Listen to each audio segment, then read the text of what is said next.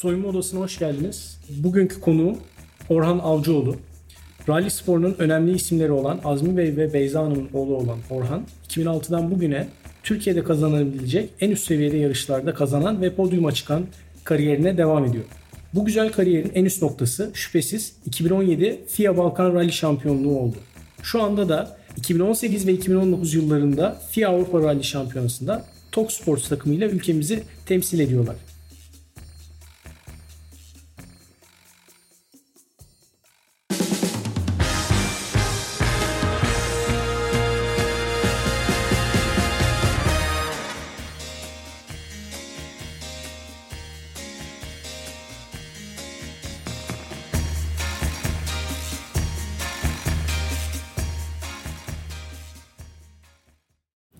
Geldin. Nasılsın? Hoş bulduk merhaba. Teşekkürler. Sağ ol. Sen nasılsın? Ben deyim. Çok teşekkürler. Çok Ee, sevindim burada olmaktan. Benim için çok keyifli bir proje. Soyunma odasında özellikle yapmaya çalıştığımız şey sporcuların hem saha içerisinde yaptıklarını konuşmak hem de biraz da saha dışında neler etkiliyor, neler besliyor iki tarafı da. Bunları biraz konuşmak istiyoruz. Bu yüzden de aramıza katıldığın için teşekkürler. Benzer bir noktamız var. İkimiz de ailesi spordan gelen insanlarız ve aslında bir, bir noktada aile mesleğini devam ettiriyoruz yaptığımız sporlarla. Ve biraz araştırma yaparken de gördüm ki ikimiz de benzer dönemlerde Enka'da bulunmuşuz Evet, bir şekilde. Ben çoğunlukla orada tam gün yaz spor okullarına dahil olmuştum ama hayat seni orada bir noktada stopuna çekmiş anladığım kadarıyla. Topu oynadım e, Enka'da. E, çocukluğumun tamamı Enka'da geçti. Yani üniversiteye gidene kadar hatta öyle söyleyeyim. Karting'de bir ara stopunu beraber e, yürütmeye çalıştım, götürmeye çalıştım. Şöyle oldu Enka serüveni benim için. Biz İstinye'de oturuyoruz. Bugün Enka gibi bir spor tesisi hala bulunmaz bir nimet. Yani e, içinde her şeyi barındıran. Annem Galatasaray'da lisanslı olarak yüzmüş, spor hayatına bu şekilde başlamış. Benim de yüzmeyle ilgili iyi bir altyapım olmasını istemişler çocukken.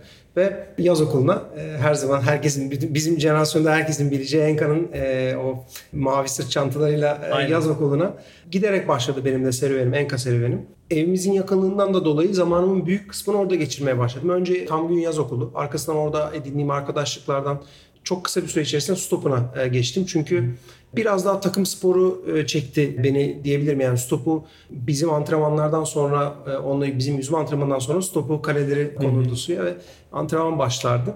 O zaman hep bakardım, merak ederdim. Ve bir gün orada Hakan Hoca'nın davetiyle stopu tarafına geçtim. Geçiş o geçiş. Ondan sonra Enka'nın benim gözümde yeri tamamen farklı hale geldi. Sabahları bisikletime binip Enka'ya gidiyordum. Bir sabah antrenmanı, bir öğleden sonra antrenman yapıyorduk. Sabah 8'de gidiyordum. Akşam çoğunlukla akşam açık havadaki sinemaya da kalırdık. Gece 10-11 e, eve dönerdim. Cep telefonumuz yok, hiçbir şeyimiz yok. O zaman hayat biraz daha farklıydı. Be- belki de Aynen. hayat annelerimizin, babalarımızın da toleransları bazı şeylere daha farklıydı. Bilirlerdi orada olduğumu. Orası bir kampüs sonuçta. İnanılmaz şeyler öğrendim. Orada bir takımın bir bireyi olmayı, kaybetmeyi, e, kazanmayı, geride kalmayı, daha iyi olmayı e, bir sürü şeyi orada orada öğrendim. İlk 5'te çıkmak, takımda ilk 5'te çıkmak çok önemliydi bizde. İlk 7'de pardon. E, Karşımda senin gibi bir basketçiyle oturunca ilk 7'de çıkmak çok önemliydi. Onu hak kazanmaya çalışırdım. Beraber kampa giderdik, gelirdik. En büyük hayalim o zaman bugün de geri dönüp baktığımda hayatımda bir tane eksik varsa spor hayatımla alakalı şu anda yaptığım sporun olimpik spor olmaması ve olimpiyata gidememiş olmaktır. Bütün çocukluğum hep bunun hayaliyle geçti. Yani bir gün biz Türkiye olarak stopunda olimpiyatlara gidelim. E, Ben de o takımın bir parçası olayım. Tabii hem hayat o şekilde gelişmedi hem de bizim atasporumuz motor sporları e, hiçbir zaman bu yöne teşvik edilmedim aslında. Annem tarafından da babam tarafından da ama evde arabalarla oynayarak, videoları izleyerek, fotoğraflara bakarak resmen ağzımın suları akarak e, uyuyakalırdım yatakta fotoğraflara bakarken. 12-13 yaşında kartingle e, başladık. 12 yaşında antrenmanlara başladım. İlk yarışa e, 13'te girdim. E, geç bir yaş aslında ama kartinge başlayınca çok kısa bir süre içerisinde orada gerçekten beni çektiğini ve bu iş için yaratılmış olduğumu hissettim. E, öyle söyleyeyim. Bir süre beraber götürdüm e, karting test topunu. Ancak sonra doğal olarak bir seçim yapmak gerekiyordu. O noktada da benim için e, seçim motorsporları tarafında e, oldu. Net bir şekilde söyledin. Anladığım kadarıyla anne ve babanı izleme, canlı izleme fırsatın olmadı ama DNA'da yazılı olan bir şeydi aynı Evet, zamanda. evet, evet, evet. Ben buna inanıyorum. Yani senin de ailen için aynı şey geçerli. Baban Türkiye'nin efsane basketbolcularından.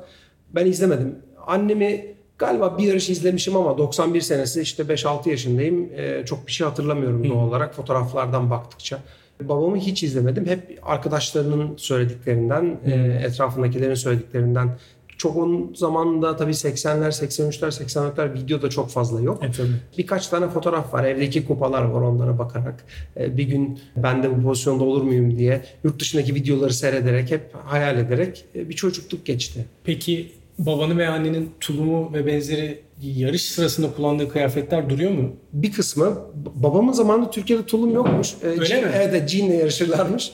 Ama annemin tulumu var. Annem Renault takımında yarışıyordu. Annemin tulumu var. Ben o tulumla go-kart'ta da birkaç yarış yaptım hatta. Evet, Süper. içine sığıyordum işte 12-13 yaşındayken. O zaman birkaç yarış yaptım o tulumla da. Hala duruyor. Bugün hala saklıyoruz. Bizim evde bu tip şeylere çok önem verilmemiş. E, Benimle biraz başladı. Ben her yarıştığım takımdan birkaç tane e, ufak şeyi saklamaya gayret ettim. İşte ilk başladığımda kullandığım eldivenlerden, ayakkabılardan, tulumlardan daha çok e, saklamaya çalıştım.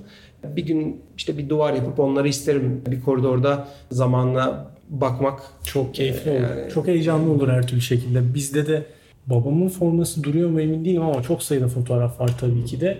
Şimdi bile benzer şeyleri konuşuyoruz aslında. Keşke spor arşivi Türkiye'de daha geniş kapsamda yapılabilmiş olsa ki e, babalarımızın hikayesine Tabii. daha görsel bir şekilde yakalayabilseydik ama annenin yarışını hatırlamasan bile izlemiş olman muhtemelen beynine bir yerde kazınmıştır kesinlikle yani. Evet. Onu hissediyorum. Peki benzer şekilde konuya da gireceğimi düşünüyorum ama avantaj olduğu kadar anne ve babanın sporcu olması ve bu sporun bu camianın içinde olması dezavantajlarını gördün mü? Ee, gördüm dersem yalan olur. Öyle söyleyeyim. Öyle mi? genellikle bu dezavantaj tarafının baskıyla geldiğini e, söylerler. Ben bu konuda bir baskı hissetmedim. Şöyle hissetmedim. Ben kendi istediğim için, kendi arzu ettiğim için ve kendim çok sevdiğim için yarışmak istedim ve başarılı olmak istedim. Bulunduğum takımda da her zaman yarışa sonuçta kazanmak için başlıyorsun. Annem Türkiye'de genel kasman Türkiye Rally şampiyonu olmuş kopilot olarak. Kadınlar şampiyon olmuş. Babam Türkiye genel kasman rally şampiyonu olmuş. Yurt dışına yarışlara gitmişler. Onların döneminde bunlar olmuş. Benim dönemimde de farklı farklı şeyler oldu. Ben işte Balkan şampiyonu oldum. Avrupa Rally Şampiyonası'nda iki senedir yarışıyorum. Bunlar onların yapamadığı şeylerdi. Belki bu sırada Türkiye'de yarışsaydım Türkiye şampiyonu olur muydum? Bilmiyorum. Ee, olabilirdi. Eksikliğini hissediyor muyum? Bir gün o sporu bıraktığımda Türkiye şampiyonu olmazsam diye düşünüyor muyum? Düşünmüyorum. Yaptığım şu anda yaptığım şey Avrupa Şampiyonası'nda yarışmak. Avrupa Rally Şampiyonası'nda biz tek başımıza Türkiye'yi temsil ediyoruz iki senedir. Dolayısıyla orada başarılı olmaya çalışıyoruz. Farklı ligler, farklı şeylerden e, bahsediyoruz. Farklı seviyelerden bahsediyoruz. Bir gün fırsat olursa, imkan olursa Türkiye'de de yarışırız, şampiyon oluruz. Tek eksik bu kalıyor. Dolayısıyla şu ana kadar getirdiğim noktada eksikliğini hissedecek bir şey olmadı. İlk başlarda sadece hep konuşulurdu. Sen de annen gibi, sen de baban gibi şöyle yap, bunu yap, işte sen de şampiyon ol e, gibi konuşulurdu. Çok kulak asmadım. E, Benim kendi yolculuğum, onlar çok destek oldular bana tabii ki hem maddi hem manevi olarak. Onların sayesinde açılan kariyerimin başında birkaç tane de kapı oldu. E, onu da söylememek haksızlık olur. Evet ben Azmi Avcıoğlu'nun ve Beyza Avcıoğlu'nun oğlu olarak gittiğim çaldığım birkaç kapıdan sponsorla döndüm. Bu da bu işin bir gerçeği evet. Ama ondan sonrasını hep kendim yönettim. Onlar da bunu bu şekilde istediler. Ben bunun farkına birkaç sene önce vardım. 2017 senesinde vardım aslında. Bugüne kadar hiç kimseye telefonu kaldırıp da ya bizim oğlan için de şöyle şöyle bir şey yapalım gibi bir şey hiç olmadı. Ee, hep de kendim yönettim. Bunu yaptığımı çok geç fark ettim ama böyle oldu. O yüzden de diyorum ki benim kendi yolculuğum bu kendimce başarılı olduğumu düşünüyorum. Dolayısıyla bununla ilgili bir şey hissetmedim. Ama güzel bir şey tabii ki yani bir aileden iki şampiyon çıkması, farklı jenerasyonlarda iki şampiyon çıkması güzel bir şey. İşte yani çocuğum olmak üzere bu sporu yapar yapmak isterse karşısında durmam. Ama bu sporu yapması için de ona e, bir baskı yapmam. Ben böyle gördüm. Ben çok istediğim için bu sporu yaptım. Çok mücadele ettim bunun için. Yani 7-8 yaşından 12-13 yaşıma kadar mücadele ettim. Her hafta sonu beni karting'e götürün, lütfen götürün, yarışa gidelim. Onu yapalım, bunu yapalım. 3 senemi aldı. O sonunda bir gün daha uyuyakalmamıştım henüz. Annemle babamın benim kucağımdan bir karting posterini alıp ne yapacağız bu çocuğu diye birbirlerine sorup e, götüreceğiz mecbur e, şekli bir cümleyi. Bunu çok net hatırlıyorum mesela sene işte 98-99. Oradan sonra da e, işi yürüdü. Peki anne babanın baskı kurmaması veya yönlendirmemesi çok önemli. Ama bir tarafından da Azmi ve Beyza Avcıoğlu'nun oğlu olmak senin önüne dışarıdan bir engel getirdi mi? O bir dezavantaj demeye çalıştığım tarafta o da var aslında. Yani ya bu çocuk torpilli geliyor zaten gibi bir algı özellikle gençliğinde karşılaştığın bir şey oldu mu? Ee, iki kere güzel duvara vurdum bununla alakalı. Bir tanesi e, Tofaş takımı o zaman çok büyüktü. Ben rally yapmaya çalıştığım zaman ilk başlamaya çalışıyorum. 2000, sene 2002, 2003, 2004 e, o zamanlarda Tofaş takımının o zamanki yöneticisi Türkiye motorsporlarında çok emeği olan Ali Sipahi diye bir beyefendinin babamın da beraber zamanında yarıştığı bir beyefendinin oğlu Emin Ali Sipahi. Ona gittim ve dedim ki ben yarışmak istiyorum. Sizden küçüğüm. Benim derdimden anlayın. Bütçem yok, sponsorum yok. Bana bir araba verir misiniz? Hı hı. Kendimi kanıtlamak istiyorum, ispatlamak istiyorum dedim. O da o zaman çok kızmıştım. Şu anda doğru buluyorum. Sen benim için sokaktan geçen herhangi bir insandan farksızsın. Hı hı. Kendini ispat edip ondan sonra buraya gelmelisin. Burası kendini ispat etme yeri değil, ispatların ödüllendirildiği yer demişti. Hı hı. Ve ben ondan sonra bir iki sene daha yarışamadım. Çünkü paramız yoktu, imkanımız yoktu. Yani yarışacak imkanımız yoktu. Hı hı. Motorsporla bütçeli bir spor. O zamanlarda kuduruyordum. Bana böyle bir şey söyledi, nasıl böyle bir söyler, nasıl anlamaz halimden e, diye. Hı hı. Şimdi dönüp baktığımda farkında olmadan bana bir iyilik yapmış olduğunu e, görüyorum. Çünkü o beni belki bu spora daha da çok kenetlenmemi e, sağladı. Çünkü ya bu öyle bir spor ki otomobile ihtiyacım var, lastiğe ihtiyacım var, benzine ihtiyacım var, sponsora ihtiyacım var. Kendi bütçenle yapabileceğin kısmı çok kısıtlı. Hı hı. Dolayısıyla oralarda destek bulmazsan yapamayacaksın. Sporu bir yere getirebilmen için, kendini bir yere getirmen için sporda da bir noktada bir destekler bulup e, bir şey yapman gerekiyor. Hı hı. E, ben kendi bütçemi e, yaratmayı ve bulmayı kariyerimin başında biraz yapabildim. Arkasından esas Avrupa Şampiyonası serüvenine başladığımız zaman itibariyle esas hı hı. yaptım.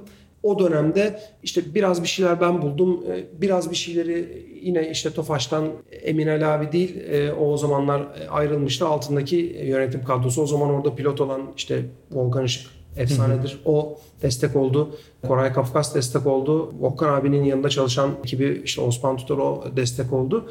Ve bir şekilde yarışmaya başladık. Sonra dişliler biraz daha kolay döndü ama o zaman sağlam duvara vurmuştum. Ee, o bana iyi bir destek olmuştu. İyi bir ders olmuştu öyle söyleyeyim. Yani Azmi Avcıoğlu'nun oğlu olmam benim için hiçbir ifade etmiyor dediği hala e, kulağımdadır. Ama demek ki sporu seviyormuşuz yeteri kadar.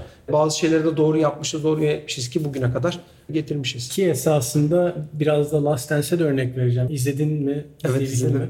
Jordan'ın lisedeki o takıma girememe süreci yani varsity takımına giremeyip junior varsity'ye girme süreci onun hep böyle bir motivasyon olarak şey evet. şey yapmış. Muhtemelen senin de sporda sürdürebilir bir yol çizmen adına ve o başarılara ulaşman adına bu aslında bir kaldıraç hizmeti görmüş oldu. Kesinlikle. İnanılmaz kamçıladı. Hı hı. Aslında daha sonra farklı formlar alarak bu kamçı hayatında bugüne kadar geldi benimle. Yani Türkiye'de motorsporlarından hayatını idame ettirebilmek ve hayatını kazanmak bir yarış pilotu olarak çok kolay değil. Hı hı. Pek fazla örneği de yok aslında. Dolayısıyla ben şanslıyım ki bir aile firmamız var ve aile firmamızda çalışıyorum ama aktif olarak çalışıyorum. Yani 7 gün 24 saat bu işte yatıyorsun, bu işte kalkıyorsun. Profesyonel sporcu olmak böyle bir şey değil aslında. Profesyonel sporcu olmak senin gibi profesyonel sporcu olmuyor. Beni kamçılayan konulardan bir tanesi de insanları geçebilmek. Bunu da kısıtlı zaman içerisinde kısıtlı imkanlarla yapabilmek. Yani Michael Jordan çok özel bir insan. Bu dünyalı değil ama çok temelinde rekabete dayanıyor iş. Evet. Hepimiz rekabetçi olduğumuz için yarışıyoruz. Bir takımın bir parçasıysan da sonuçta içinde rekabet içgüdüsü olması gerekiyor. Benim hayatımın gerçeği bu. Ben çalışmak zorundayım. Hı hı. Ama bir yandan da yarışmak istiyorum. Dolayısıyla benim için yarıştığım zamanlar altın pırlanta döneminde e, zamanlar. Ben orada kafamda başka hiçbir şey yok. E, sadece yarışa konsantre olmuşum. İş yok o sırada benim için. Ta ki pazar günü en son etaptan çıkıp kopilotumla Burçin abiyle birbirimize bakıp işte önümüzdeki haftaki ödemeler diye konuşmaya başlayana kadar ta ki o, o noktaya kadar yani finish çizgisine gelene kadar e, diyeyim. Hiçbir şey yok aklımızda. Bunu yapmayıp işi bu olan birkaç tane rakibim var. Hı hı. Ee, onlara göre kendimi ispatlayabilmek, onlara karşı var olabilmek için ben bazı şeyleri ekstra yapmak zorundaydım ve ekstra yaptım. Benim kamçım da buydu. Ben burada çalışmak zorundayım ama bir yandan 8 tane Avrupa Rally Şampiyonası yarışına gidip e, her biri birer haftadan 8'er günden bazı fedakarlıkları yaparak hayatımda evet, ki bunların çoğunluğu işi hayatında olmadığın zaman maddi olarak kaçırdığım fırsatlar hmm. oluyor. Ama bu da benim için olmazsa olmazdı yarış hayatım. Dolayısıyla bunu bu şekilde sürdürebilmek için de ben yarışacağım. Aynı zamanda ben çalışacağım. Ve ikisinde yapabildiğimin en iyisini yapacağım. Benim kamçım Her zaman bu oldu. Gerçeğim de bu. Değiştirebileceğim bir şey değil. Dolayısıyla bundan hiç pişman değilim. Benim için en büyük motivasyon e, kaynağı da buydu. Peki spor senin için ne kadar kadar devam edecek? Kaç yaşına kadar? Ee, Benzer yaşlardayız ama ben kariyerimin sonundayım diye düşünüyorum. Senin gördüğüm haliyle böyle kariyerin ortasındasın gibi bir hissiyatın da var bir tarafından. e, yani ortayı geçtik diyebilirim. E, şu yüzden aslında Avrupa Rally Şampiyonası'nda benim yarıştığım otomobille en üst seviye otomobille ortalama 25 kişi yarışıyor. E, Her yarış 25 kişi yarışıyor. Bu insanların arasında var olabilmek istiyorsanız hayatınızı bu işe vermeniz lazım. Bir sürü anlamda bazı şeyleri bizden farklı yapıyorlar. E, işleri bu bir kere. Başka hayatlarında bir işleri yok. Biz e, Burçin abi ve ben ironik bir şekilde aralarında pazartesi günü başka bir işe gidecek olan tek ekibiz. Bunu yapabilmiş olan da tek ekibiz. Bizden başka hiç kimse yok. Herkesin işi rallycilik. Başka bir işleri yok. Sadece arabaya binip kullanmak. Sadece arabaya biniyor kullanıyor. Ve- Yarıştan sonraki pazartesi günü de mühendisiyle beraber toplantı yapıp debriefini yapıyor. Analiz ediyor. Oturuyor. Bir daha test yapıyor. Başka yarış için başka bir yarış organize ediyor. Ve bu arada şey de var yani muhtemelen sadece pilotluğu yapabildiği için yani uçağa binip evine dönebiliyor. Tabii ki. Ve arabam nasıl geldi, o ne oluyor, ne Yok, bitiyor yok, yok. onlarla Aynen. uğraşması gerek kalmıyor. Ben şanslıyım ki Tokspor o konuda çok organize. Süper. Ee, Yani biz tamamen arrive and drive şeklinde yani uçaktan iniyoruz, arabamızı kiralıyoruz. Antrenmanımızı yaptık. Yapıp geldiğimizde test için hazırız. Zaten çadır kurulmuş. Profesyonel bir ekip. Ama öyle ya da böyle sen salı günü sabah itibariyle birikmiş olan 65 tane e-mail'ınla beraber gerçek hayata dönüş yapıyorsun. O insanlar yapmıyor. Yapmıyor. Ee, Avrupa Şampiyonası'ndaki insanlar uzaylı değiller. O insanlar geçilmez insanlar da değil. Avrupa Şampiyonası bugün Dünya Şampiyonası'ndan daha rekabetçi bir yer. Daha fazla otomobil ve daha fazla kazanmaya aç insan var. Çünkü Avrupa Şampiyonası bir proving ground olarak gözüküyor. Ee, Bir baktığında aslında milli takımlar seviyesinde Avrupa Şampiyonası ile aynı. Aynen öyle. Evet aynen öyle. Bunun yapılabilir olduğunu biz önce kendimize ispatladık. Arkasından da Türkiye'ye ispatladık. Biz puan aldık, podyuma çıktık. Her girdiğimiz yarışta ilk 10'da bitiriyoruz. Son 5 yarışta da ilk 5'te e, bitirdik böyle söyleyeyim. Ya, yapılabiliyor bu. Ama birinci olmak için ya da üçüncü olabilmek için, 5'ten 3'e çıkmak için Profesyonel yapıyor olmak lazım. Evet ya da Yakın bir- olmak Evet ya da biraz daha ağırlık vermek gerekiyor. Şimdi kariyer kısmına dönersek oradan şuna geleceğim. Rekabet anlamında ve sürat anlamında hayatımda hiç olmadığım kadar hızlıyım. Hiç olmadığımız kadar süratliyiz. Hiç olmadığımız kadar istikrarlıyız. Niye? Çünkü artık bazı şeyler cesaretle beraber bazı şeyler tecrübeyle de e, Kesinlikle. sizde de öyledir. Yani kendini üniversitede basketbol oynarken hayal et. Bir de şimdi e, hayal et Aynen. farklılıklar var. Bunu da yaşla beraber geliyor işte. Hep insan diyor ya bu bilgimle 22 yaşında olsaydım diye. Kesinlikle. Ee, bu noktada masaya koyabildiğin şeyler otomobilin dilinden daha iyi anlamak, otomobilin setup'ını daha iyi yapabilmek, daha kısa sürede adapte olabilmek, kendini başka kulvarlarda geliştirmiş olmak. İşte notu dediğimiz yani bize ezbere gitmiyoruz. Anlatırım onu da. O yüzden motosporla benim için bir iş aynı zamanda. iki tane işim var diyorum ben. Çok severek yapıyorum ama iş disipliniyle yapmaya çalışıyorum. Oraya gittiğimiz zaman da gerçekten çok ciddi bir şekilde yapıyoruz. Sponsor ve destek bulabildiğim sürece 40 yaşına kadar verimli olarak yarışabileceğimi düşünüyorum. Yarışamamam durumunda, sponsor bulamamam durumunda da keyif için yarışa girmek istiyorum. Senin arkadaşlarınla bir araya gelip bir tek pota maç yapman gibi yani keyif için yarışa girmek istiyorum. Çünkü sporu seviyorum, yapmak istiyorum.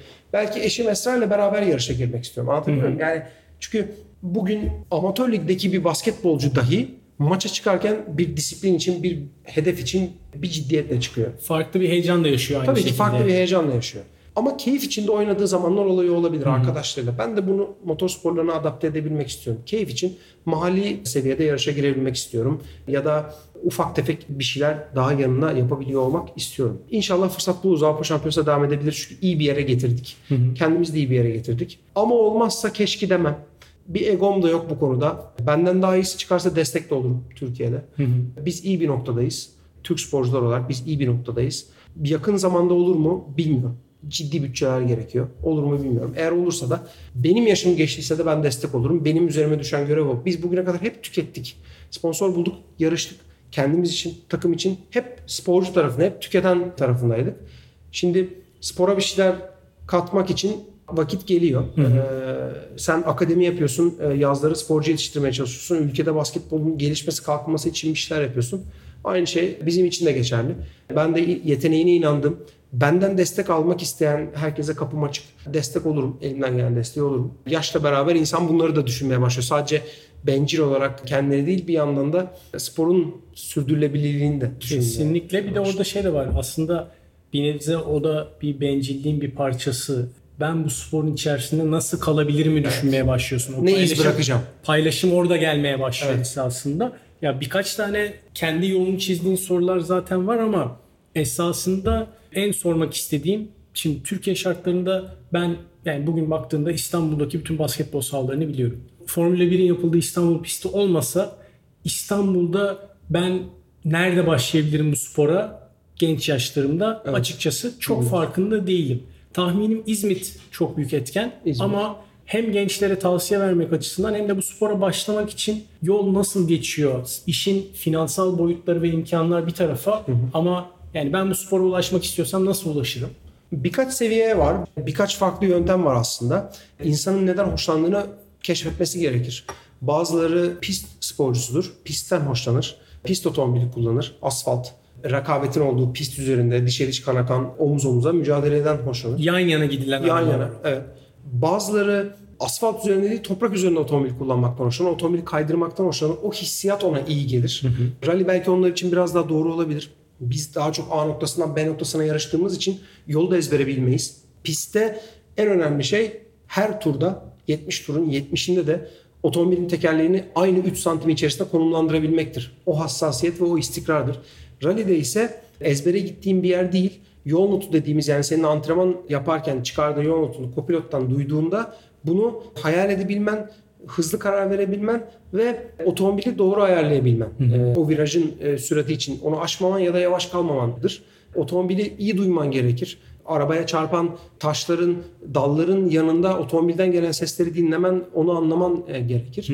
Dolayısıyla kendini bulması için insanların biraz farklı disiplinler denemesini öneririm. Örnek veriyorum İstanbul Park pistinde bir pist gününe gidilerek kendi otomobiline bile bundan keyif alıyor musun almıyor musun onu görebilirsin. Özel kupalar yapılıyor. İzmir'de yapılıyor, İzmit'te yapılıyor, İstanbul Park'ta yapılıyor. Özel kupalarda makul bütçelerde bir yarış iki yarış kendini deneyebilirsin. Yavaş otomobille olmanın hiçbir e, farkı yok. Yani illa 600 beygirlik bir Ferrari'ye binmenize gerek yok aslında.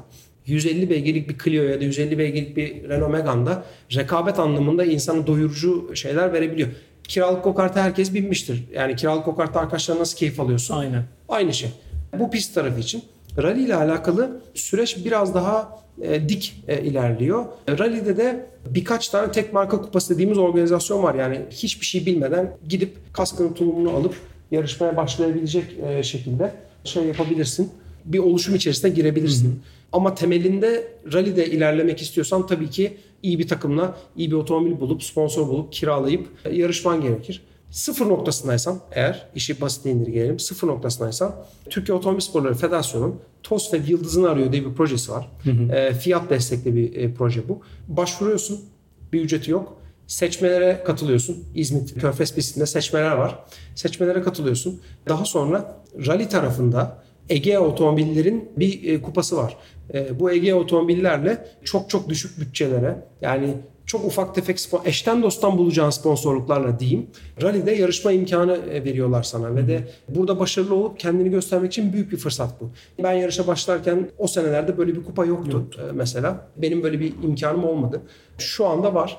Oradan çıkan gençler de var ve onların bir yere gelebildiğini de e, görüyoruz. Yani tek marka kupası dediğimiz organizasyonlar burada anahtar e, oluyor aslında.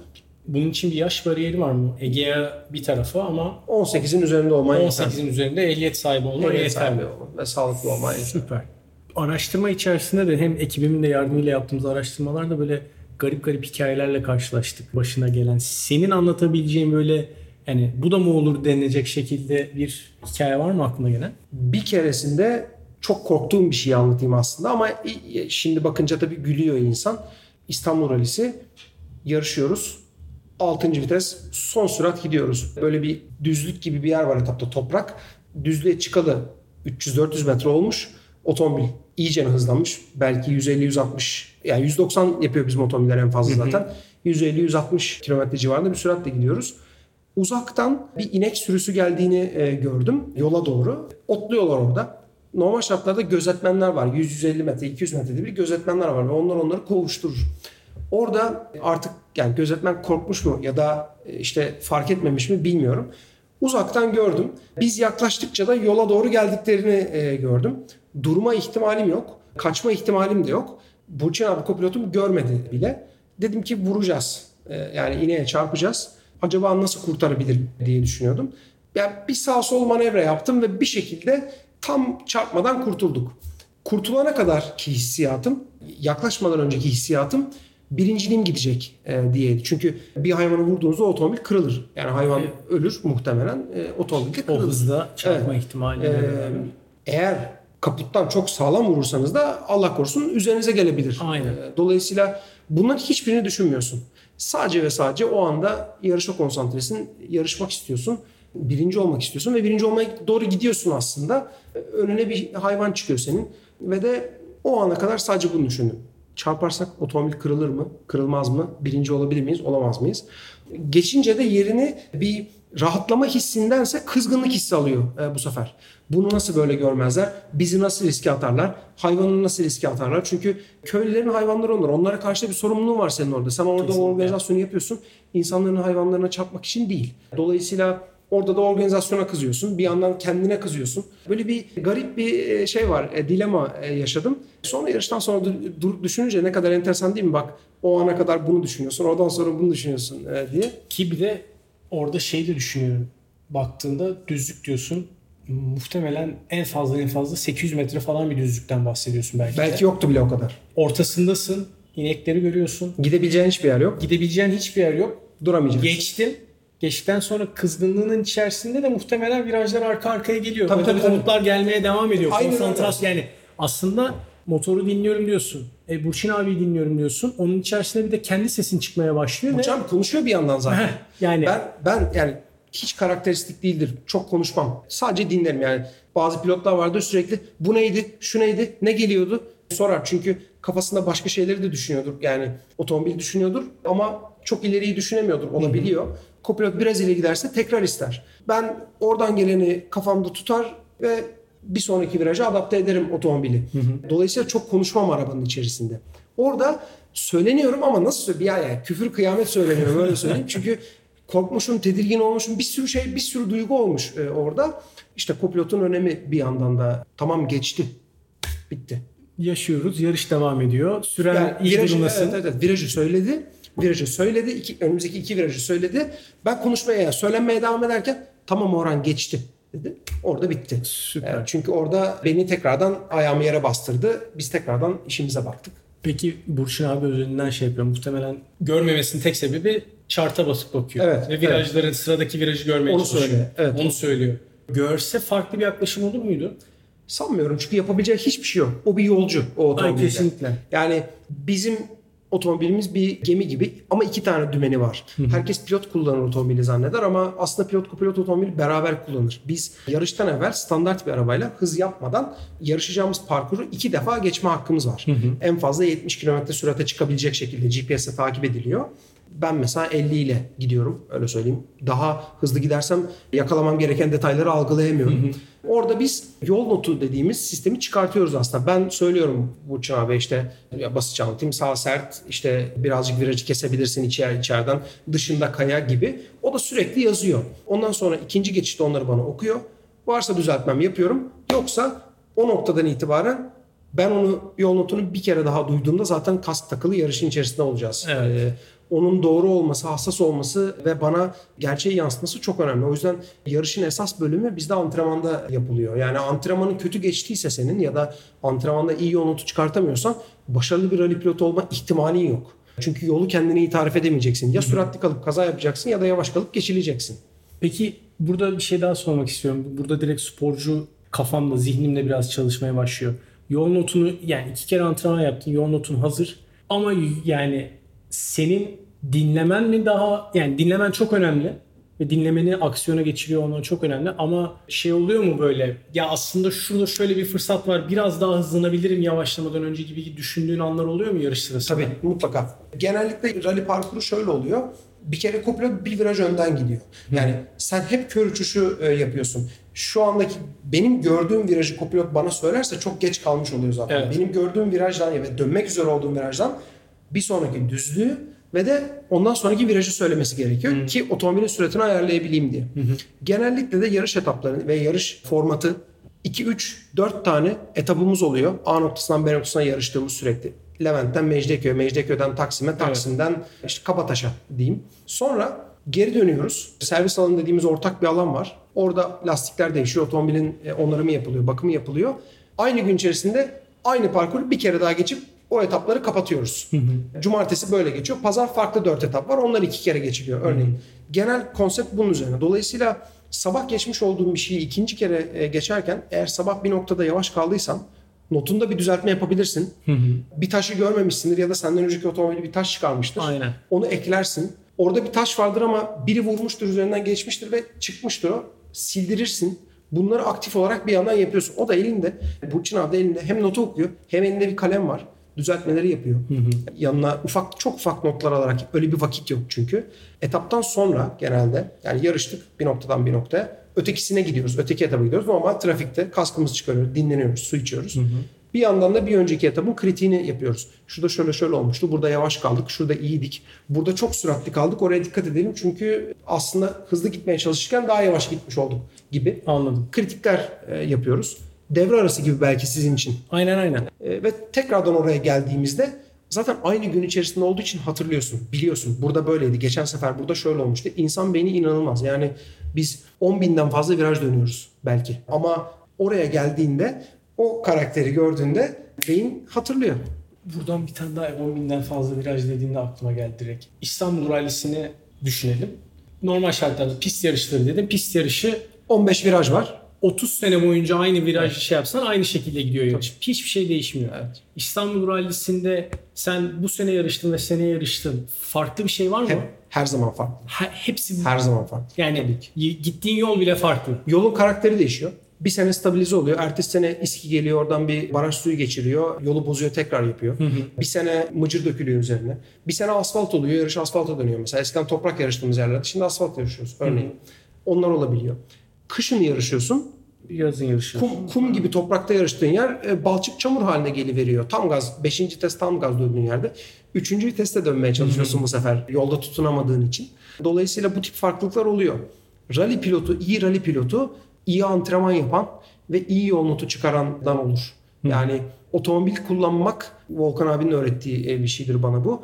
Rally öğrendiklerini ve denediklerini uygulama yeridir. Antrenman sahası değildir. Yani sen antrenmandayken e, veya testte yarış arabasıyla yapıyorsan testte deneyeceğini, öğreneceğini öğrenmiş olacaksın. Yarışta sizin maç gününüz gibi çıkıp uygulayacaksın. Aynen. Yani bu, bu böyle bir şey. Dolayısıyla iyi yol notu çıkartıyorsan eğer iyi bir pilot olabilirsin. İyi yol notu çıkartamazsan mümkün değil yani. Çok iyi otomobil kullanabilirsin fark etmez. Bu anlattıklarına beraber sporun yani yaptığın sporun esasında zihinsel önemi çok daha üst seviyeye çıkıyor. Ama bir de bunun fiziksel tarafı var tabii. Fiziksel olarak seni zinde tutacak şey ne bu sezon boyunca ve şey boyunca ne, neler yapıyorsun? Bizde enerjinin bütün güne yayabilmek çok önemli. Dolayısıyla bütün diyetimizi ve kondisyonumuzu da buna göre ayarlamak zorundayız. Ee, yarış dediğimiz şey aslında arabanın içerisindeki fiziki performansın haricinde uykusuz geçen bazı geceler ve yolda geçen çok uzun süreleri beraberinde getiriyor. Yani bir yarış haftasına bakarsak kısaca pazar günü orada oluyorsunuz, e, yatıyorsunuz pazar günü, yurt dışına seyahat etmişsin. Pazar günü e, akşam varıyorsun. Pazartesi günü sabah o yarışla alakalı, o yarışın parkına benzeyen bir yerde yarış otomobiliyle bir test yapıyorsun gazlayarak. Onu yaptın, bitirdin, oteline döndün. Salı ve çarşamba günü normal otomobille iki gün boyunca yaklaşık bütün yarış parkurunu iki kere geçecek şekilde yani hafta sonu yapacağın yarışı iki kere yaparak Ama 50 ile giderek. 50 ile giderek aynen ve arada yollardan işte giderek bir bütün iki günü yolda normal arabayla güneşin alnında yol notu çıkararak inanılmaz bir beyin yorgunluğuyla geçiriyorsun. Bunu yaparken bazen gideceğin yerler senin otelinden uzakta olabiliyor. Dolayısıyla sabah 5'te kalkıyorsun 7'de antrenman başlıyor. Akşam 7'de bitiyor. 8'de 9'da oteline dönüyorsun.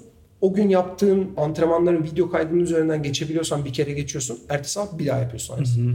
Ondan sonra Perşembe günü oluyor. Bu sefer yarışın yarış arabasıyla olan bir antrenman parkuru gibi bir şey yapıyorlar. E, klasifikasyona dahil edilmeyen, kendini görebilmen için, son ayarlarını yapabilmen için diyeyim sana. Onu yapıyorsun. Yarış arabasına biniyorsun perşembe günü bir de. Genelde bir tören startı oluyor. Dolayısıyla bütün gün seni dikiyorlar orada tulumla. Güneşin alnında yanmaz tulumlarla. Terliyorsun arabanın içinde zaten bin derece. Ondan sonra perşembe günü öyle bitiyor.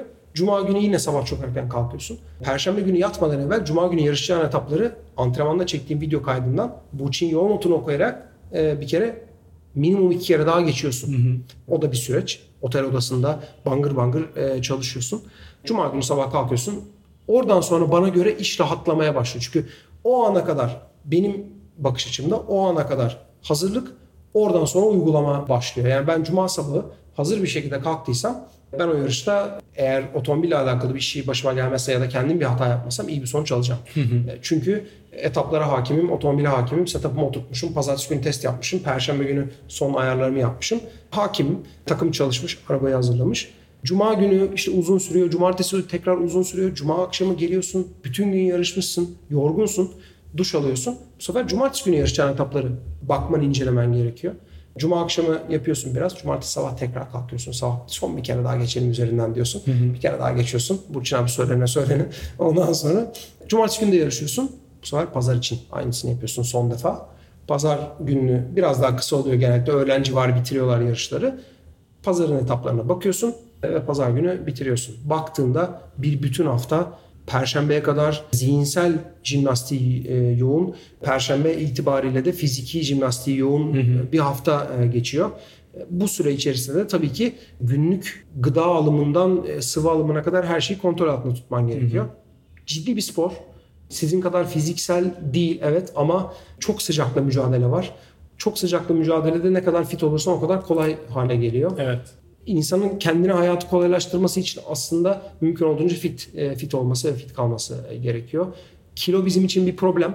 Pilot ve kopilotun yarış ekipmanlarıyla beraber 160 kiloyu geçmiyor olması gerekiyor. Mühendislerin İnsan. talebi bu evet. O da 80 kiloyu ben tamam çözdük işiyle olmuyor. Çünkü minimum 3 kilo daha üzerine ekleniyor. Aynen. Yarış ayakkabısı, tulum, kask e, derken ekleniyor. Yani ideal pilot aslında işte 75 kilo civarında olan pilot. Ben sezon içerisinde 81 civarında tutabiliyorum e, kendimi. Covid'de kendime çok kızaraktan e, hafif yağ bağlamış vaziyetteyim. Dolayısıyla Hepimiz. aynen acil olarak e, kendime gelmem gerekiyor. Ama böyle de bir denge var. Çünkü sırtında bir su damacanasıyla geziyor gibisin. Otomobil otomobil 1200 kilo zaten. Dolayısıyla sen onun üzerine 200 kilo eklersen 1400 kilo olarak yarışıyorsun. Eğer 160 kilo eklersen 1360 kilo olarak Aynen. yarışıyorsun. Otomobilde yedek lastik taşıyorsun 25 kilo. Eğer pilot ve kopilot olarak ideal seviyedeysen şişman olacağına ikinci bir tane yedek lastik taşıyabilirsin yanında. Gibi bir avantaj sağlıyor ki. sana. Tabii ki. Çok enteresan. Çok da keyifli geliyor her türlü haliyle. Böyle işin mutfağını görebiliyor Evet, olmak. mutfak kısmı ben yani ben de şey yaparım. ilgimi çekmiştir hep. Süper. Burçin abiden çok bahsettin. Bu noktada da hem ilk başlarda bahsettin stopu ve takım sporu içerisinde bulunmak ve devamında olan biten şeyler. Yarış sırasında da yalnız olmamak muhtemelen iyi bir şey. Yani şimdi Formula 1'i düşünüyorum. Tek kişilik bir arabadasın ve tek bir kişi konuşuyor muhtemelen sana ama yanında değil. Fiziksel bir enerjiyi hissedemeyeceğin bir ortam. Buradaki dinamik nasıl olmalı? Yani burada da şeyi söyleyeceğim. Basketbolda takım arkadaşlarınla iyi anlaşman gerekir gibi bir algı var ama gerçekte de aslında hepsiyle aynı seviyede iyi anlaşman çok imkanlı değil. Evet sahada Çıktığında işini yapman lazım. çıktığında işini yapıyor olman lazım ama sanki sizin ilişkiniz biraz daha farklı olmak zorundaymış gibi geliyor. Bu, bu konu bu dinamik hakkında ne dersin? Benim bakış açım da böyle. Yani e, benim için e, evet böyle olması gerekir. Burçin abi e, bir yol arkadaşıdır. Bir kader dostudur. E, bir sürü şeyi beraber yapıyorsun. Biz yarışa gittiğimizde aynı odada kalıyoruz. Yani siz nasıl takım arkadaşlarınızla oda paylaşıyorsunuz? Benim için de aynı aynı şey geçerli. 10. yılımız birlikte yarıştığımız beraber 70-80 tane yarış e, yaptık. E, bu 70-80 hafta sonunu beraber geçirdik demek oluyor. Kopilot dinamiği çok önemli bir dinamik. Pilot ve kopilotun birbiriyle iyi anlaşması, birbiriyle arkadaş olabiliyorsa, arkadaş olabilmesi, abi olması, kardeş olması, birbirini tamamlaması benim açımdan çok önemli. Benim ihtiyacım olan bazı şeyler var yarış hafta sonunda. Ben özgüveni yüksek bir insanım. Ailemde psikoloji eğitimi almış bir sürü insan var. Dolayısıyla psikoloji yönetimiyle alakalı iyi bir bilgi sahibiyim. Ya da öyle olduğumu düşünüyorum. Bunu yönetebiliyorum. Ama yeri geliyor yönetemediğimi kendi kendimi de görüyorum. Yani öyle öyle şeyler oluyor ki e, hayat öyle İngilizce'de curveball derler ya yani hayat sana öyle numaralar yapıyor ki İnek sürüsü karşına Aynen çıkartıyor. öyle yani. Ee, işte herhangi bir sporda başarılı olmak için çelik gibi sinire sahip olmak gerekiyor. Ee, sizde de öyle yani işte tahrik edilmeyeceksin gibi gibi seni sayınca duymayacaksın evet. Hep düşünmüşsündür nasıl bir hissiyat acaba anana babana küfrederken insanlar özellikle de hakemler için düşünmüşündür maalesef ki böyle bir kötü bir kültürümüz var ya nasıl işlerini yapabiliyorlar orada o şekilde diye. Burçin abiyle olan ilişki de tabii ki birbirini tamamlama ilişkisi. O çok iyi bir kopilot. Neden çok iyi bir kopilot? Çok disiplinli, bankacı, daha doğrusu finans sektörü profesyoneli. Dolayısıyla rakamlarla arası çok iyi. Sistematik bir insan. Var ya da yok. Yani ortası yok. Anlatabiliyor muyum? Bir şey yapıyorsa bir ya da sıfır. Çok belli. Yapmamız gereken şeyler belli. Rally bence e, sistematik olma sporudur. Yani rally'de ne kadar konuya sistematik yaklaşırsan, riskleri ne kadar elimine edersen başarı şansın çok artıyor. Yani dış faktörler daha azalıyor. İnsanlar çok fazla dış faktör varmış gibi görüyor ama aslında bunların büyük çoğunluğu insanın ve ekibin takımı da bunun içerisine katarak ekibin hazırlık aşamasında aşılabilecek olan e, şeyler. Yani bir otomobilin lastiği patlar, etabın içinde de patlar. Yeri gelir bunun değişmesi gerekir. Patlak bir lastikte 5 kilometre gidebilirsiniz. Etap bitiyordur. Aşağı yukarı 1,5 dakika civarında bir kaybı vardır bunun. Değiştirmek isterseniz. Eğer 20 kilometre gitmeniz gerekiyorsa o lastiği değiştireceksin. Bu lastiği değiştirmek için eğer antrenman yaptıysan bunu bir dakikada değiştiriyorsan indisiyle bindisiyle yarış heyecanıyla disipliniyle 1 dakika 15 saniye 1 dakika 20 saniyede arabanın içine tekrar biner ve gidersin. Eğer yapmadıysan antrenmanını 3 dakika sürer. Yarışın sonunda da saniyelerle bitiyor. Dolayısıyla böyle bir lüksün yok. Yani orada birbirini tamamlaman lazım. Orada bir ekip olman lazım. Takımın da sana iyi otomobil vermesi lazım. Ama kopilotun senin psikolojini yönetmesi lazım. Senin onun psikolojisine zaman içerisinde yönetmen gerekiyor, yeri geliyor. E, onların da kızdıkları, bozuldukları şeyler olabiliyor. Hakem yanlış yazıyor zaman karnesine zamanı. Çıldırıyor mesela. Yani onu yönetmesi gerekiyor. Ya da bize verilen yarışacağımız noktalara gitmek için bize verilen bir yol haritası var. Yol kitabı var diyeyim. Viraj viraj gitmemiz gereken yolu gösteriyor bize. Işıkları göreceksiniz. Marketten sağ yapın. Şuradan 450 metre sonra bunu yapın. Onu yanlış yapabiliyorlar mesela. Olabiliyor. Orada kızabiliyor kopilot. Normal çünkü o otomobili doğru yere götürmek onun sorumluluğu ve yapması için ona verilen araçlarda hata var. Dolayısıyla e, kızıyor öfkesini anlayabiliyorsun. Sen onu nasıl karşılayacaksın? Of zaten bir yolu bulamadık. İşte gidemeyeceğiz, yetişemeyeceğiz. Önümüze araba girecek, toza kalacağız. Sen orada onun stresine stres katarsan o sana fayda sağlayacak mı sağlamayacak mı? Bunun muhakemesini Aynen. yapman lazım. Ya da tamam abi merak etme buluruz. Gel beraber bakalım. Ya da şurada bir market vardı orası olabilir mi acaba? Ee, oradan mı dönecektik? Bir bakalım edelim. Yani bir hamuru yoğurursan beraber problem yok ama yırtmak çok kolay. Yani onu karşı tarafı da düşünmen lazım. O da seninle beraber başarılı olmak için orada. Onun elinde bir direksiyon yok ama onun elinde harita var. Dolayısıyla o harita veya o yol notu diyeyim çok kıymetli bir şey. Sana sol yerine sağ derse sen sol yerine sağ dönersin. Çünkü bilmiyorsun arkasına geleceğini. Ve o güveni oluşturmuş durumdasın. Güvenmek zorundasın. Güvenmeden mümkün değil. Benim için de güvenmek insanı tanıyarak oluyor. Kariyer sahibi bir insan güvenilir bir insan anlamına gelmiyor. Başkaları için güvenilir olabilir ama benim güvenmem için tanımam bilmem gerekiyor. Dolayısıyla yakın olmam gerekiyor. Güvendiğimde de bazı şeyleri beraber sırtlayabileceğimizi ona hissettirmek isterim. Çünkü evet biz bugün işte Türkiye'de şu anda sporun tepesine 3-4 tane pilotuz. Baktığında hepimiz uzun dönem aynı pilotlarla yarıştık. Ekip olunuyor sonuçta. O ekibi oluşturmak da emekle e, oluyor. O zaman da bazı şeyler daha farklı anlamlar kazanıyor. Yani abilik yapıyorsun yeri geliyor. Yeri geliyor sana abilik yapıyor. Arkadaşlık yapıyorsun. Dertleşiyorsun. Kız arkadaşınla eşinle olan problemlerini konuşuyorsun. İşinle ilgili problemleri konuşuyorsun. Yarıştan o anda kafanı dağıtman gerekiyordur. Yarış konuşmaman gerekiyordur. Başka şeyler konuşabileceğin bir insan olması lazım. Yani yanında robot gibi yol notunu okursa bana hitap etmez. Bazı insanlar bunu isteyebilir. Benimle konuşma. Ya da benimle yarış dışında bir şeyle bir etkileşime girmemize gerek yok. Benim önceliğim bu değil diyebilir ama benim için yanımda olan insanın önce arkadaşım olması gerekiyor. Sormak istediğim çok şey de arka arkaya geldiğinden dolayı es geçtiklerim de var ama en çok merak ettiğim şeylerden bir tanesi. Şimdi Formula 1'i düşünüyoruz. Otomotiv sektörü için bir moda gösterisi gibi bir şey. En üst seviyede performans gösteren aracı çıkarmaya çalışıyor bir oto, otomotiv markası. Ve oradaki hikayede hem markanın performansını görebiliyoruz hem de neler yaptığını, hangi şoförle yaptığını, hangi pilotla yaptığını görebiliyoruz. Rally özelinde öncelikli olarak ama esasında bir motor sporcusu ve günlük hayatta da araba seven bir insan olarak yarış adına ve günlük hayatta ideal araç nasıl olmalı, ne barındırmalı içinde? Evet, Formula 1 hakikaten bu işin vitrini. Pist tarafında e, bu sporun geldiği en üst nokta. Rally'de de daha çok markaların arkasından koştuğu konu performans ve dayanıklılık. Beraberinde dayanıklılık da aynı zamanda.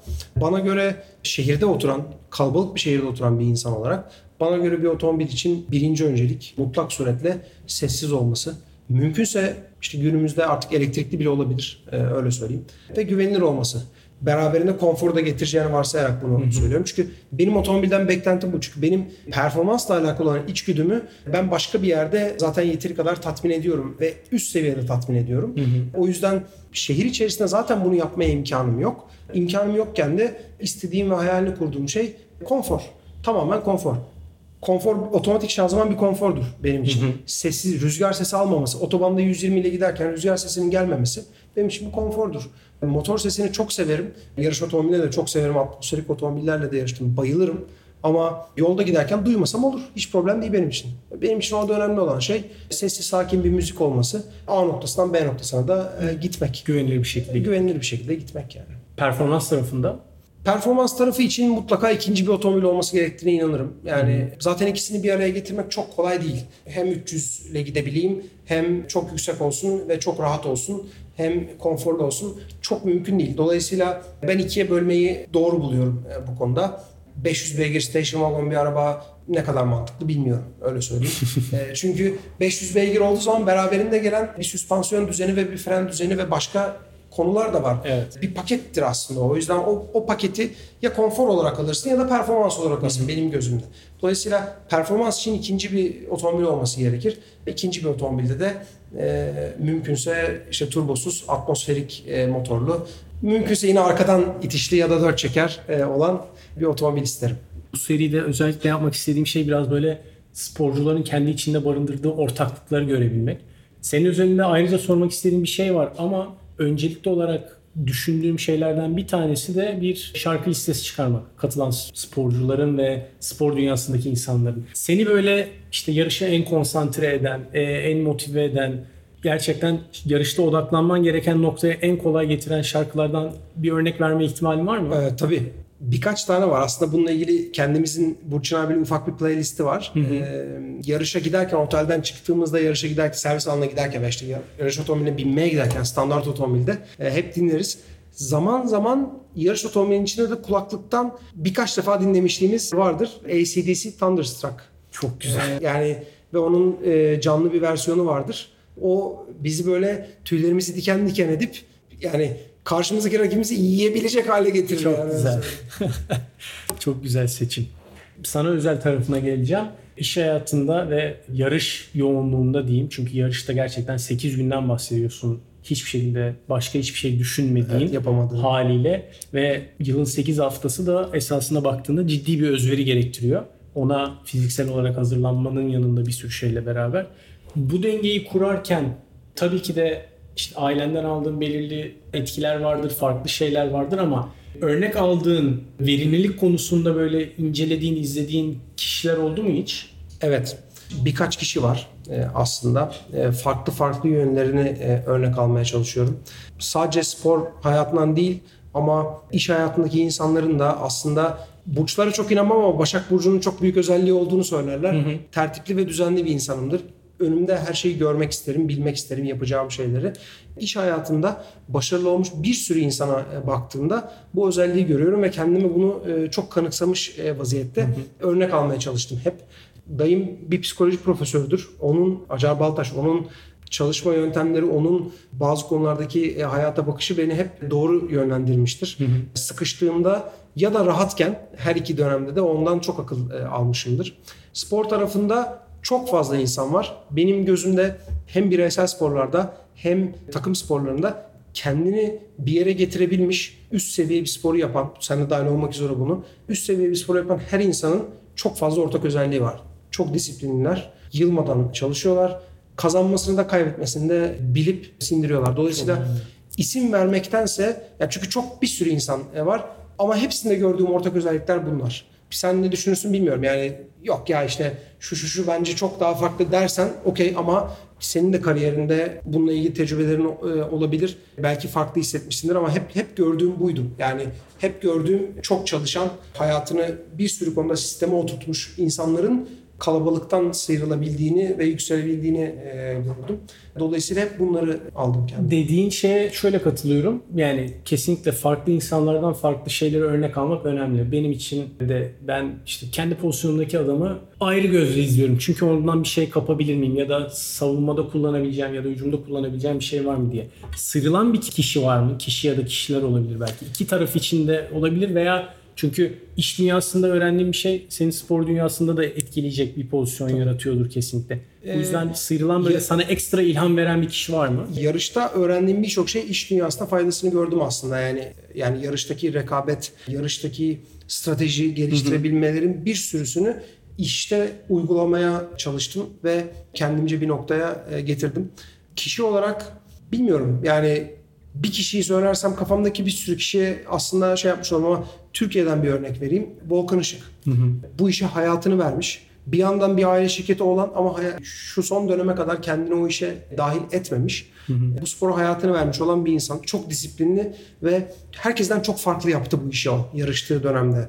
Dünya şampiyonası da yarıştı, Avrupa şampiyonası da e, yarıştı. Türkiye şampiyonu da oldu, Türkiye şampiyonası da yarıştı. Her zaman diğer rakiplerinden daha farklıydı. Sporcuydu, fitti, çok ciddiyetle yapıyordu. İşin tekniğini öğrendi, herkesten daha fazla öğrendi. Lastik geliştirdi, sporu bıraktı. Yine sporun içinde kaldı demin konuştuğumuz konuyu sporun içinde kaldı insanların kolayca yarışabileceği yarış otomobili tasarladı, üretti, yaptı, yarıştırdı. Dolayısıyla spor olan sevgisini kendi disipliniyle birleştirdiğini görüyorum ve bunu bir iş haline çevirdiğini görüyorum. O bana her zaman bir yol göstermiştir, bir ilham kaynağı e, olmuştur. Farklı spordan biri geliyor mu aklına hiç? Klişe olmasın ama gerçekten futbolla hiçbir alakam olmamasına rağmen Cristiano Ronaldo'yu acayip takdir ediyorum.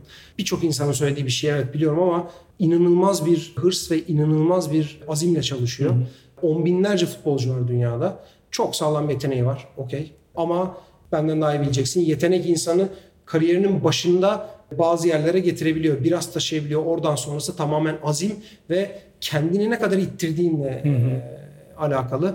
Türkiye'de de işte bununla ilgili bir sürü bir sürü bir sürü örnek var çok tanımadığımız aslında çok toplumun ilgisini çekmeyen teniste de var. Eskrimde bile bir sürü sporcu var ki e, sıyrılıyor.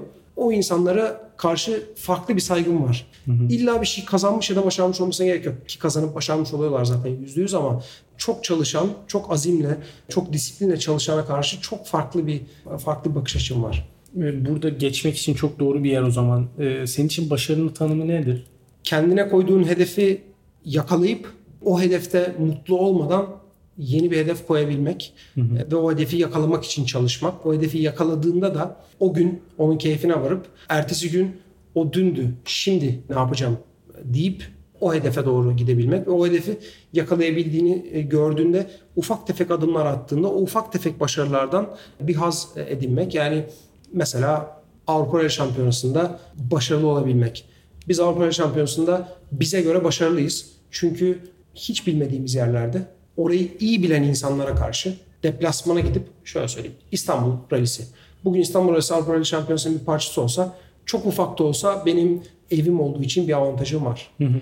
Senelerce orada yarışmışım. Parkur ezbere bilmiyorum ama aşinayım.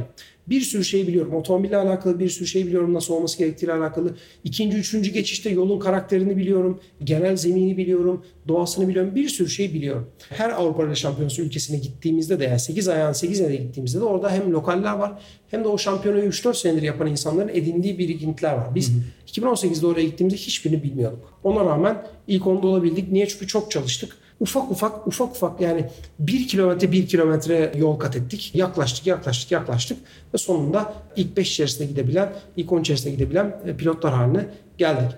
Bundan sonraki adım ilk 3'e girebilmek. İlk 3'e girebilmek farklı bir şeyleri daha beraberinde getiriyor. Ama şu anda yapmaya çalıştığımız e, şey de bu işte aslında. Yani dolayısıyla baktığında Avrupa Şampiyonası yarış kazandın mı? Hayır. Ama Avrupa Şampiyonası dünyanın en rekabetçi şampiyonası. Orada yarış kazanan adam zaten çok farklı bir seviyede. Hı hı ben onlara ne kadar yakın olduğumla kendimi ölçüyorum. İlla elimdeki kupayla ya da yarışın sonundaki neticeyle değil. Biz bu şekilde yaptık. 25 yaşında olmuş olsaydım evet ben Avrupa şampiyonu olacağım. Avrupa şampiyonu olmadan da buraya dönmeyeceğim derdim.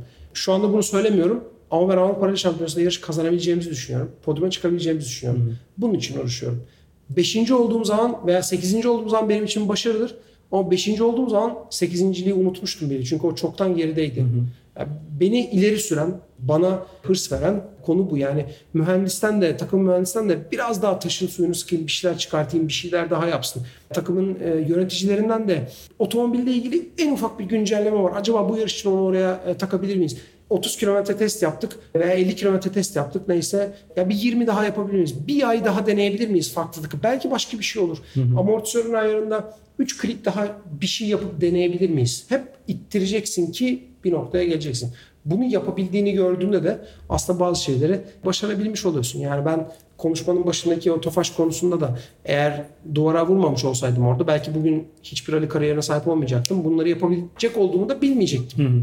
Stopunda milli takıma girmiş, Avrupa Şampiyonası'na bir iki defa gitmiş bir birey olarak noktalamış olacaktım hayatımı. Yani bu olacaktı. Peki bu noktada başarısızlık ne senin için?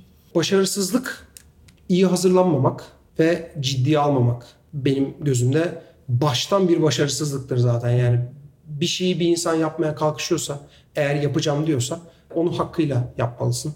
Ona gereken saygıyı duymalısın yapacağın e, şeye.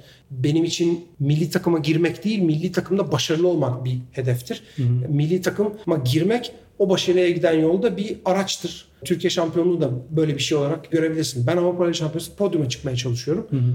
Türkiye şampiyonu olursam bunun yanında e, bir başarıdır. Avrupa Şampiyonası'ndan podyuma çıkamazsam, dış etkenlerden dolayı çıkamadıysam burada şapkanı önüne alıp düşüneceksin. Dış etkenlerden dolayı çıkamadıysam bu başka bir şey. Onları düzeltmek için bir şey yapabiliyorsak oturalım deneyelim. Ama ben yarışa doğru hazırlanmadıysam, otomobil doğru değilse, takım doğru değilse ya da şartlar ve koşullar ciddiyetim yerinde değilse o bir e, o bir başarısızlıktır işte. O sana verilen güvenin, emeğin, paranın israfıdır, zamanın israfıdır. Başkalarının beklentilerinin hayal kırıklığına dönüşmesidir. O benim sorumluluğum. O başarısızlık işte. Orhan çok teşekkür ediyorum. Senin eklemek ya da paylaşmak isteyeceğin bir şey var mı bunların dışında? Böyle sorunca aklıma gelmiyor ama yani ben de teşekkür ederim. Hakikaten keyifli güzel bir sohbet oldu bir profesyonelden başka bir profesyonelle konuşabilmek, bazı konularda empati yapabilmek hakikaten e, keyifli. Çünkü çok güzel e, hazırlanmışsınız. Çok güzel sorular vardı. Çok şevk verici, anlatmaya şevk verici sorular vardı. O yüzden çok teşekkür ederim. Yani ya sizin araba kaç yapıyor ya da kazanınca ne oluyor gibi sorular çok geliyor. Ee, ama işte soyunma odasının belki de e, güzelliği bu. Yani işin derinine inmek, mutfağına inmek. Benim gerçeklerim bunlar. Bu spora başlayacak ya da bu sporu yapan, sporun içinde olan, başlangıç seviyesinde olan insanların bunları öğrenmesi için bir fırsat bu. Ya da bu sporla ilgili bir fikir edinilmesi için de e, bir fırsat bu. Kesinlikle. Biz çoğu zaman sadece otomobile binip yan giden, gazlayan sürücüler olarak gözüküyoruz ama işin arka planında işte demin anlattığım şeyler var. Bitmeyen bir hazırlık, bitmeyen bir seyahat, bitmeyen bir e, uğraş e, süreci var. Hı hı. Dolayısıyla benim gerçeklerim de bunlar. Bunları paylaşmış oldum. Bunlara siz e, ayna tutmuş oldunuz. O yüzden çok teşekkür ederim. Biz çok teşekkür ederiz. Benim için ayrı bir heyecanı var tabii ki de bu bölümün. Biz seninle bundan 6 sene evet, önce galiba 2015'te. 2015'te beraber bir reklam şeyinde tanışıp aslında evet. bir yakınlık bulmaya başladık ve bunun içerisinde de o dediğin empatiyi farklı sporlardan yakalamak adına benim için güzel bir fırsat oldu. Bir de baktığında işte 6 sene önce esasında reklam çekilirken bir aradaydık. Onun için de farklı zamanda tekrardan bir araya gelmek evet. güzel oldu. Soyunma Odası'nın ikinci bölümünü burada tamamlıyoruz. Dinlediğiniz için teşekkürler. Görüşmek üzere.